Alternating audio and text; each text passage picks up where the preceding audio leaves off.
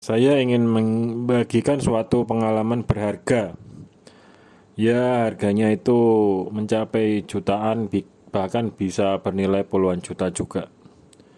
Tergantung dari perjanjian dan kualitas pemakaian jasa pengacara ataupun jasa advokat. Yang saya sampaikan ini adalah suatu realita dan bertujuan untuk jangan sampai ada rekan-rekan yang tertipu atau terjebak ataupun mengalami kerugian. Jadi tujuannya adalah jangan sampai kita mengalami kerugian yang berulang. Apabila kita memakai jasa pengacara atau advokat itu jangan mentransfer uang dulu atau jangan dibayar dahulu sebelum surat kuasanya ya. Ada lengkap ya tanda tangannya sudah lengkap dan bermaterai. Tanda tangan dari pemberi kuasa dan penerima kuasa. Penerima kuasanya itu bisa satu pengacara atau lebih itu harus lengkap dulu tanda tangannya. Surat kuasanya sudah lengkap kita mendapatkan fotonya, mendapatkan fotokopinya, kemudian baru ditransfer atau dibayar. Karena dengan adanya surat kuasa itu kita bisa menyampaikan komplain kepada Peradi atau atau Persatuan Advokat Indonesia apabila terjadi hal-hal yang merugikan ataupun hal-hal yang dicurigai suatu kecurangan yang dilakukan oleh pihak pengacara atau jasa advokat yang kita pakai. Jadi kejadiannya saya sudah bercerita segala macam problem, memberikan semua bukti dan saya bilang saya percaya kepada kamu, maka sebaiknya kamu yang jadi pengacaranya. Nah, kebetulan dia itu kantor hukumnya itu sudah ditutup dan dia kemudian bekerja sama dengan rekan pengacara lain. Jadi memakai kantor hukum dari kenalannya. Ya setelah itu setelah mempersiapkan surat kuasa saya diarahkan untuk mentransfer uang sekian puluh juta. Tapi surat kuasanya itu masih dalam sudah saya tanda tanganin. Tapi yang yang menerima kuasa itu belum tanda tangan. Dua-duanya belum tanda tangan. Jadi setelah itu surat kuasanya kok nggak muncul-muncul. Saya nggak dikasih uh, fotonya tidak ada fotokopinya. Padahal sebelumnya sikapnya baik-baik aja. Komunikasi kami lancar. Tapi kemudian setelah uh, saya transfer dana itu mulai strateginya berubah tidak sesuai dengan kesepakatan awal. Dan sikapnya itu tiba-tiba berubah gitu loh kayak uh, kurang ajar atau gimana ya kayak kalau berbicara itu kayak memusuhi saya atau bilangin apa gitu ya nggak enak ke saya gitu. Ya bicaranya empat mata jadi jadi pengacara atau advokat yang demikian bisa bisa bersikap yang nggak enak ke kita tiba-tiba dan dan kita menjadi terheran-heran dan akhirnya kita akan tidak suka atau menyerah sehingga tidak memakai jasa orang tersebut. Padahal kita udah transfer uang dan kita tidak bisa komplain ke Pradi. Karena kalau komplain ke Pradi itu harus ada surat kuasanya dahulu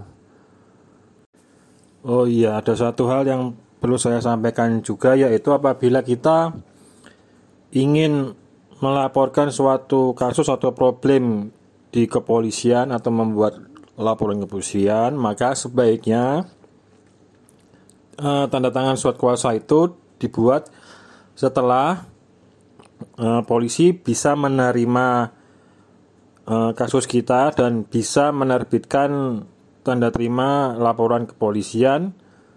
Nah, itu berarti kasusnya bisa berjalan atau diacarakan. Baru kemudian kita menandatangani surat kuasa kepada pengacara atau jasa advokat. Demikian urutannya. Apabila kita menandatangani surat jasa advokat dan bayar, tetapi tahapannya baru membuat laporan kepolisian dan ternyata kasusnya ditolak atau tidak diterima oleh kepolisian, ya maka kita akan bisa mengalami kerugian. Karena kasus atau problemnya itu tidak diacarakan dan tidak dilanjutkan prosesnya.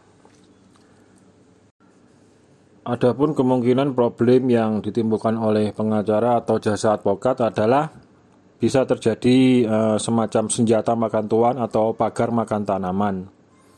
Jadi Nah, bisa saja mereka ternyata di lapangan berbalik tidak membela kita. Tiba-tiba dia malah memusuhi kita. Nah, bisa bisa aja terjadi seperti itu. Ya bisa juga berbagai macam hal lain lah, lainnya lah yang yang bisa merugikan kita padahal kita sudah mengeluarkan biaya yang tidak kecil apalagi saat ini biaya pengacara itu terutama di kota-kota besar itu ya menurut saya biayanya mengerikan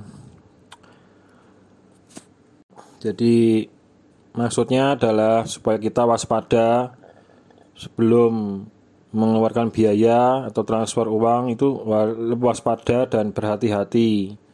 Kita harap lebih teliti dari prosedur, dari pandangan karakter psikologi, dari kabar berita mengenai jasa yang akan kita pakai pribadi orang lain yang akan kita pakai itu perlu kita pelajari dahulu. Jadi yang perlu kita perhatikan yaitu tahapan di mana Penerima kuasa menandatangani dahulu lengkap satu pengacara atau dua pengacara, kemudian baru kita ada, baru kita yang tanda tangan sebagai pemberi kuasa bermaterai dan itu yang pertama, yang kedua adalah kita jangan memakai pengacara atau jasa advokat yang sedang bermasalah atau di dalam dianya sendiri lagi di dalam kasus Ketiga adalah kalau bisa diusahakan pakailah uh, pengacara atau jasa advokat yang memiliki kantor sendiri sehingga dia benar-benar menjaga nama baiknya. Jangan kalau bisa ya jangan pakai pengacara yang nggak jelas status uh, kantor hukumnya. Ketiga, yaitu pelajarilah dahulu bagaimana sifat karakter dan psikologi dari pengacara atau jasa advokat yang akan kita pakai. Karena apabila terjadi suatu problem psikologi, misalnya mengalami obsesif compulsive disorder ataupun e, permasalahan psikologi lainnya, hal tersebut akan mengganggu komunikasi kita. Dan biasanya orang-orang yang punya problem psikologi itu logikanya lemah sehingga di dalam bekerja itu eh, tahapan prosesnya itu kadang tidak berurutan dan melompat gitu lompat-lompat cara berpikirnya lompat jadi ya ya selain itu juga akan membingungkan kita demikian tips dari saya yang berpengalaman eh, mengalami suatu kerugian yang saya alami akhir-akhir ini. Terima kasih.